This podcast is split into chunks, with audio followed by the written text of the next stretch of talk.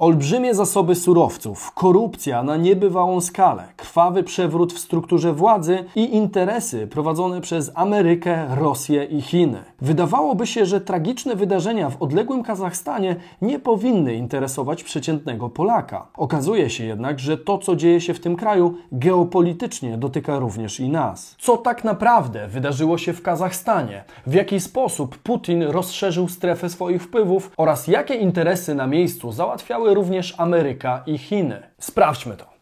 Bizon.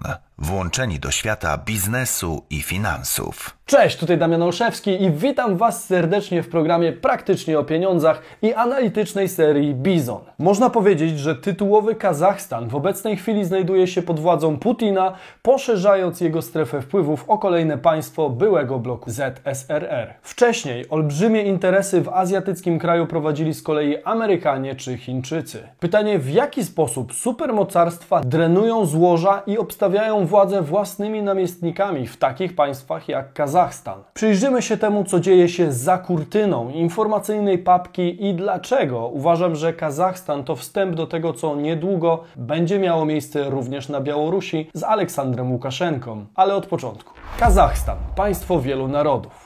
Kazachstan to państwo środkowoazjatyckie o powierzchni 2 724 902 km2. Pod względem wielkości Kazachstan zajmuje dziewiąte miejsce wśród innych krajów świata, więc powierzchniowo jest gigantem. Co ważne dla przyszłości tej historii, według Komisji Statystycznej Ministerstwa Gospodarki Narodowej Kazachstanu mieszka w nim niemal 19 milionów obywateli, z czego tylko 63% to Kazachowie. Reszta to Rosjanie, Ukraińcy, Niemcy, Uzbecy, Tatarzy i inne narody, które pojawiły się tam w wyniku ekspansji Imperium Rosyjskiego i przymusowego zasiedlania kazachskich stepów. Do tego Kazachstan był miejscem zesłań więźniów politycznych. Najpierw dotarli tam ci, którzy walczyli przeciwko Imperium Rosyjskiemu, a później ci, którzy sprzeciwiali się Związkowi Radzieckiemu. Prawie 18% wszystkich obywateli Kazachstanu stanowią osoby narodowości rosyjskiej, co sprawia, że radykalni rosyjscy politycy od czasu do czasu wysuwają hasła, że mniejszość rosyjska jest uciskana w Kazachstanie. Na przykład poseł Dumy Państwowej, przywódca LDPR Władimir Żyrynowski uważa za konieczne zapewnienie Rosjanom politycznej reprezentacji w Kazachstanie. 9 stycznia na antenie Radia Echo Moskwy powiedział: Przekazanie części władzy w ręce przedstawicieli narodu rosyjskiego powinno być jedną z reform politycznych w kraju. Kazachstan jest ostatnią republiką postsowiecką, która ogłosiła niepodległość.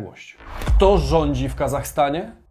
Były pierwszy sekretarz KC Komunistycznej Partii Kazachstanu Nursultan Nazarbajew został pierwszym prezydentem Kazachstanu. Prezydentem został nie w wyniku demokratycznych wyborów, ale w wyniku nominacji. W 1990 roku został mianowany przez Radę Najwyższą Kazachstanu, której był przewodniczącym. Radą Najwyższą był w tamtych czasach nazywany parlament. Co więcej, mimo że w 1991 roku w Kazachstanie odbyły się wybory prezydenckie, w głosowaniu był tylko jeden kandydat urzędujący prezydent Nursultan Nazarbajew. Nazarbajew odszedł ze stanowiska prezydenta nie w wyniku wyborów. W marcu 2019 roku dobrowolnie zrezygnował z prezydentury. Zgodnie z konstytucją, tymczasowo wykonującym obowiązki prezydenta Kazachstanu został przewodniczący Senatu Kasym Żomart Tokajew. Wielu ekspertów przypisuje dobrowolne odejście Nazarbajewa dwóm powodom. Pierwszy to podeszły wiek. W momencie odchodzenia z prezydentury Nazarbajew miał 79 lat. Nawiasem mówiąc, Łukaszenka skończy w tym roku 68 lat. Później dowiecie się, dlaczego to również istotne. Drugi to przetasowanie u władzy na wzór Putin-Miedwiediew-Putin.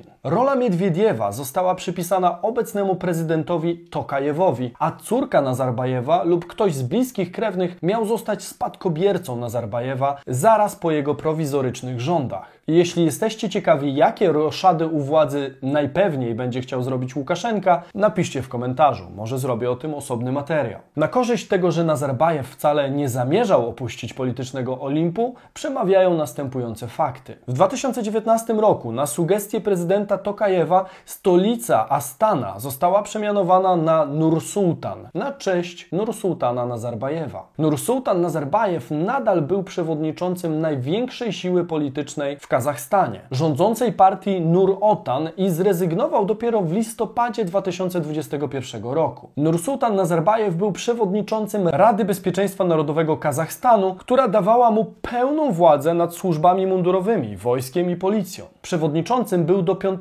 stycznia 2022, kiedy to urzędujący prezydent usunął go ze stanowiska. Co ciekawe, prezydent Tokajew według konstytucji nie mógł tego zrobić. Na ostatnim szczycie szefów WNP Nazarbajew był na równi z Tokajewem i wyjechał ze szczytu razem z Łukaszenką w tym samym samochodzie. Na Nazarbajewa nadal nie, nieformalnie mówiono Elbasy, co w języku kazachskim oznacza przywódca narodu. Tak więc do niedawna Nazarbajew był oficjalnym i nieoficjalnym generałem Kazachstanu, a urzędujący prezydent Tokajew był tylko żołnierzem. Jak Nazarbajew zachował władzę?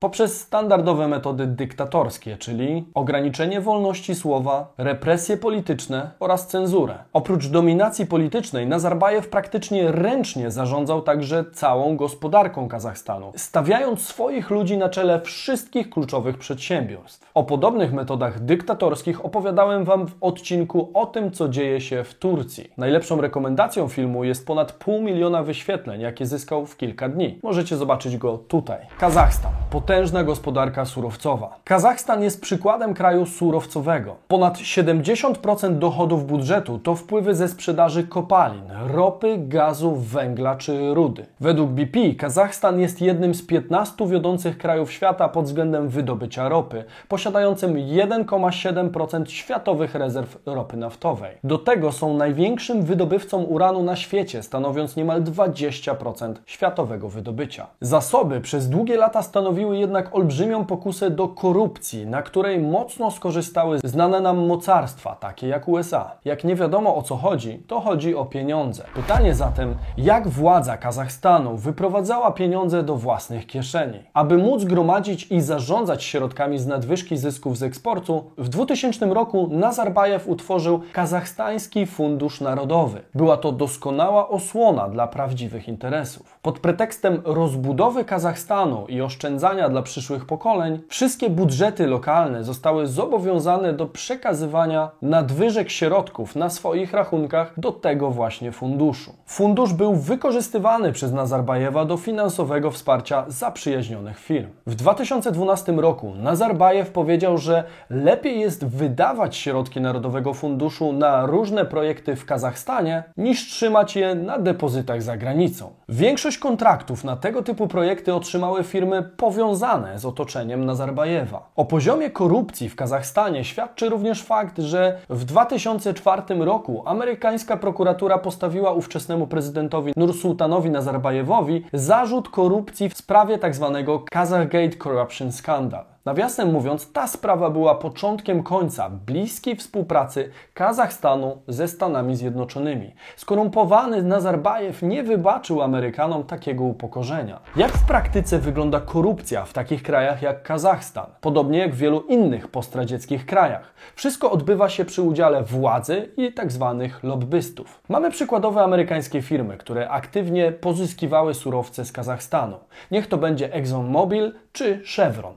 Wysyłamy do Kazachstanu nieoficjalnego przedstawiciela, który komunikuje się z obecną władzą i za odpowiednią opłatą załatwia dojście do surowca. Władza wystawia słupa do oficjalnego kontaktu, którym jest kuzyn, szwagier czy inny zaufany człowiek. Służy on do komunikacji pomiędzy władzą a biznesem. Afera Kazakhgate. Rola podwójnego agenta. Z amerykańskiej strony postacią, którą z pewnością warto zapamiętać jest James Henry Giffen, który jak się okazało był związany z CIA i załatwiał udziały w państwowych spółkach, gdzie zasiadała rodzina Nazarbajewa oraz dostęp do surowców Kazachstanu. Swego czasu znany przedsiębiorca stał się prawą ręką Nursultana. Jego rolę w interesach Kazachstanu i Ameryki możemy porównać do innej znanej postaci. Podwójnego agenta Armanda Hammera, który swego czasu pomagał w zbyciu skradzionych kosztowności obalonego cara. W tego typu sytuacjach zawsze przydaje się łącznik. Czyli osoba, która może skierować towar z różnych przyczyn niemożliwy do sprzedaży na lokalnym podwórku na rynek zbytu, który jest na niego otwarty, na przykład do Ameryki. Armand po obaleniu cara pomagał komunistom w transporcie jego majątku do odpowiednich nabywców w Stanach Zjednoczonych. Podobną rolę wiele lat później w Kazachstanie pełnił właśnie James Henry Giffen. Jak już wiecie, aby łapówki wpłacane przez interesariuszy wyglądały na legalnie pozyskane środki,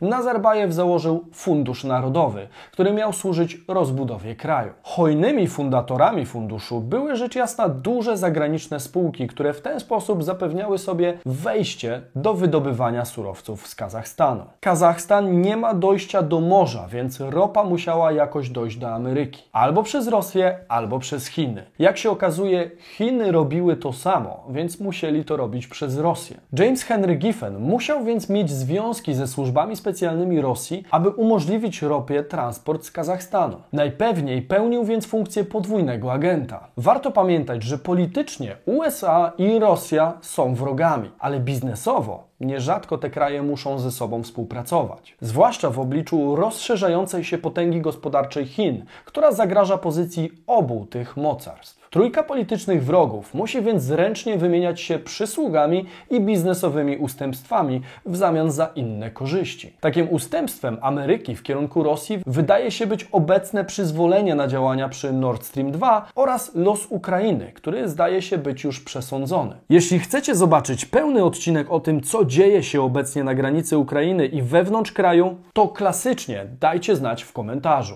Dzięki Giffenowi zarówno Amerykanie, jak i Rosjanie zbierali pełną teczkę na Nazarbajewa dla własnych przeciwległych celów. Amerykanin miał spółkę i wykonywał usługi dla CIA. Działał też dla Kazachów, dając im sowite łapówki, a jednocześnie dogadywał się z Rosjanami. I to się nazywa wielozadaniowość. Wyrok sądu w sprawie Kazach Gate.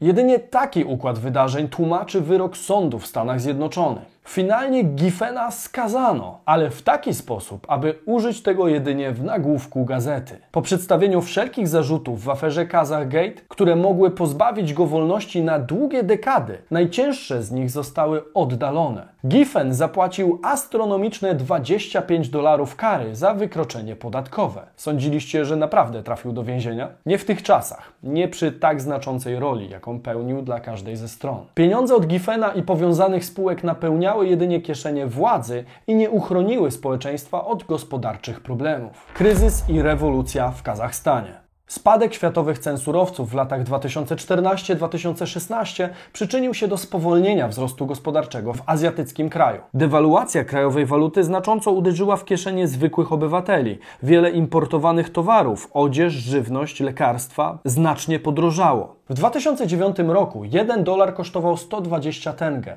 W 2022 było to już 436 tenge. Aby jakoś zrekompensować napięcia społeczne, Nazarbajew polecił przeznaczyć z Funduszu Narodowego 5,4 miliarda dolarów na wsparcie gospodarki. Część przyznanych pieniędzy została wykorzystana na wykupienie złych długów od banków. Mówiąc najprościej, były to przeterminowane kredyty konsumpcyjne, które pozwoliły Kazachom zachować sympatie polityczne na tle kryzysu gospodarczego. Jednak problemy w gospodarce tylko się pogorszały. Indeksacja płac nie jest w Kazachstanie obowiązkowa, ale nawet ona nie dorównywała wskaźnikowi inflacji. We wrześniu 2021 oficjalny odczyt inflacji wyniósł już niemal 9%. Minimalna płaca według budżetu państwa Kazachstanu w 2022 roku powinna wynosić 60 tysięcy tenge, czyli jakieś 137 dolarów. O opłakanym stanie gospodarki świadczy fakt, że pod koniec 2020 roku Kazachstan ponownie pozyskał około 2 miliardy dolarów kredytu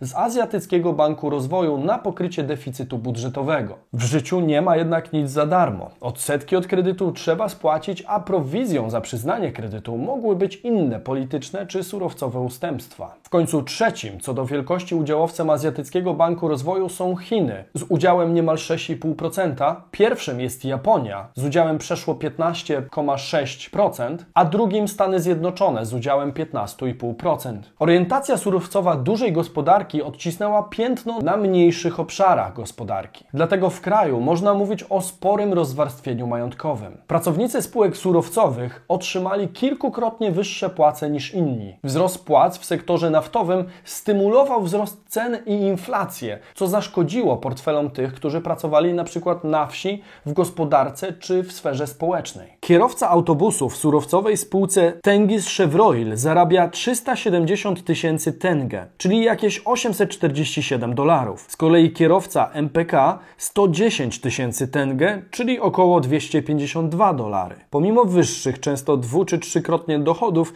pracownicy przedsiębiorstw naftowych i węglowych mieli bardzo mało praw i gwarancji socjalnych. Wystarczy spojrzeć na to, ile Kazachstan ma inspektorów BHP na całe państwo. Na cały kraj jest ich zaledwie 255, a samych spółek w Kazachstanie jest 280 tysięcy. Przy takiej ilości pracy w tym sektorze oraz tak niewielkiej ilości inspektorów, aż się prosi o nieszczęście. Kończyło się to zarówno licznymi wypadkami i katastrofami w kopalniach, jak i tym, że na papierze pensja pracowników była wysoka, ale w rzeczywistości otrzymywali oni znacznie mniej na rękę. Różnica w wielu przypadkach została ukradziona przez dyrektorów przedsiębiorstw w zmowie z księgowymi. Wyroki w takich sprawach dostali ci, którzy bronili pracowników, a nie ci, którzy kradli. Przykładem jest los prawniczki Związku Zawodowego Pracowników Karas Hanbas Munaj, Natalia Sokołowa, która z zarzutem podżegania do niezgody społecznej została skazana na 6 lat więzienia. Proces odbył się za zamkniętymi drzwiami, a obrońcą był wyznaczony przez państwo prawnik. Łamanie praw pracowników było powodem pierwszych protestów społecznych w Kazachstanie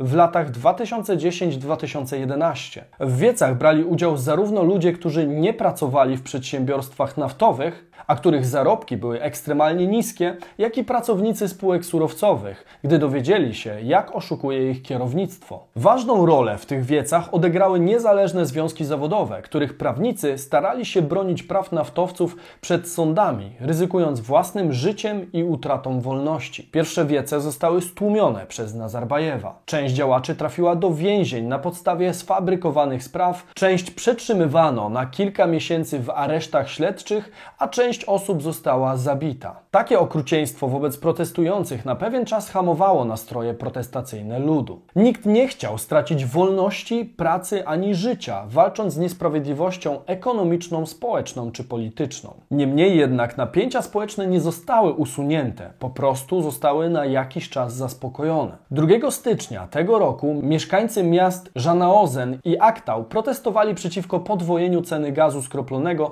z 50 do 120 tenge za litr. Demonstranci zażądali obniżenia ceny do poprzedniego poziomu. Ministerstwo Energii Kazachstanu tłumaczyło taki skok kosztów przejściem na handel skroplonym gazem za pośrednictwem elektronicznych platform handlowych. Chociaż handel elektroniczny brzmi ładnie i rynkowo, w rzeczywistości istniała tylko jedna platforma administracyjna, na której można było kupować i sprzedawać gaz. Tak więc administracyjnie stworzono sztucznego monopolistę. Trzeba było dać łapówkę za akredytację i dostęp do platformy, aby móc handlować gazem w Kazachstanie. Na szczęście 11 stycznia ustawa, która uruchomiła platformę, została zawieszona. Co więcej, jeśli przyjrzeć się bliżej kosztom gazu, ponad 60% z nich stanowiła tzw. Tak cena za dostawę gazu do konsumenta, która została pobrana przez lokalne firmy. Łatwiej jest jednak opowiedzieć ludziom historię, że zaczęliśmy sprzedawać gaz po cenach rynkowych i obwiniać gospodarkę rynkową i kapitalizm, niż powiedzieć im prawdę, czyli że obywatele są okradani przez lokalnych biznesmenów za przyzwoleniem rządzącej elity. Lokalne protesty trzeciego dnia stały się ogólnokrajowe. Akcje odbyły się w stolicy Nursultan, Almaty, Karagandzie, Uralsku, Taudykorgan, Kyzylorda czy Szymkent. W niektórych miastach tłumy skandowały Szalket, z kazachskiego stary odejdź, odnosząc się do byłego prezydenta Kazachstanu Nursultana Nazarbajewa. W niektórych miastach wyburzono też pomniki byłego prezydenta państwa. Jaka jest różnica między obecnymi protestami a tymi sprzed 10 lat? Jaki był cel protestów w Kazachstanie? Główna różnica to przede wszystkim rozszerzona lista interesariuszy. W 2010 roku Nursultan Nazarbajew był mniej więcej w wieku Łukaszenki i nie zastanawiał się poważnie, kto mógłby go zastąpić w rządzie Kazachstanem. Co więcej, cała władza w Kazachstanie należała do niego, zarówno oficjalnie, jak i nieoficjalnie i nie miał ani jednego rywala politycznego. Obecnie Nazarbajew jest już wiekowy, więc nie mógł kontynuować sprawowania urzędu ze względów zdrowotnych, ale i ze względu ograniczeń konstytucyjnych. Władzy po nim nie mogła również przejąć żadna z jego trzech córek, ponieważ Nazarbajew jest już postrzegany jako dyktator, a społeczeństwo jest coraz bardziej świadome demokracji. Wymyślił więc Tokajewa jako swojego słupa na jedną kadencję, który miał następnie scedować władzę na jedną z córek w przyszłej kadencji lub wcześniej. Nazarbajew z założenia miał doprowadzić do sytuacji obalenia Tokajewa przez społeczeństwo i zaproponowania swojej córki albo kogoś z rodziny jako tak zwany powrót do starych, dobrych czasów. Tokajew znalazł się więc w potrzasku. Z jednej strony pełnił władzę, ale z drugiej był przyblokowany decyzjami Najwyższej Izby w Kazachstanie, czyli Senatu, który w osobie córki Nazarbajewa mógł odrzucić wszelkie proponowane przez prezydenta zmiany. Swego czasu generał Imperium Rosyjskiego Aleksander Suworow mawiał: Żołnierz, który nie marzy o zostaniu generałem, jest zły. W ślad za tym hasłem podążył Tokajew, który postanowił pozbyć się roli prostego żołnierza, wypierając jednocześnie swojego politycznego patrona. Obalenie obecnie urzędującego generała nie należało do zadań prostych. Co należało zatem zrobić, kiedy rzeczywista władza w kraju nadal należała do Nazarbajewa? Zgadza się. Wystarczą negocjacje z jednym z silniejszych sąsiadów. To zresztą może tłumaczyć fakt, że na ostatnim szczycie WNP, który odbył się przed Nowym Rokiem w Petersburgu, Putin więcej uwagi poświęcił Tokajewowi, a nie Nazarbajewowi. Warto zauważyć, że kiedy opozycyjna w stosunku do Putina prezydent Kirgistanu Roza Otunbajewa zwróciła się o pomoc do OUBZ, to odmówiono jej z formalnych powodów. Przyszły generał potrzebował również armii, która do niedawna była przecież pod kontrolą Nazarbajewa, podobnie jak i Ministerstwo Spraw Wewnętrznych i Służba Bezpieczeństwa. Jak zatem zdobyć armię w takiej sytuacji? Zgadza się, wystarczy zwrócić się do towarzysza Putina. Janukowicz również próbował takiej sztuczki, ale zabrakło mu czasu. Tokajew poprosił o pomoc w piątym dniu wieców i natychmiast tę pomoc otrzymał. Zbuntowany Tokajew dogadał się z Putinem i wykorzystał moment, aby przejąć zupełną władzę w Kazachstanie, stając się jednocześnie dłużnikiem Putina. Tak wygląda pakt z diabłem. Do Kazachstanu zostały wysłane tak zwane czarne ludziki Putina.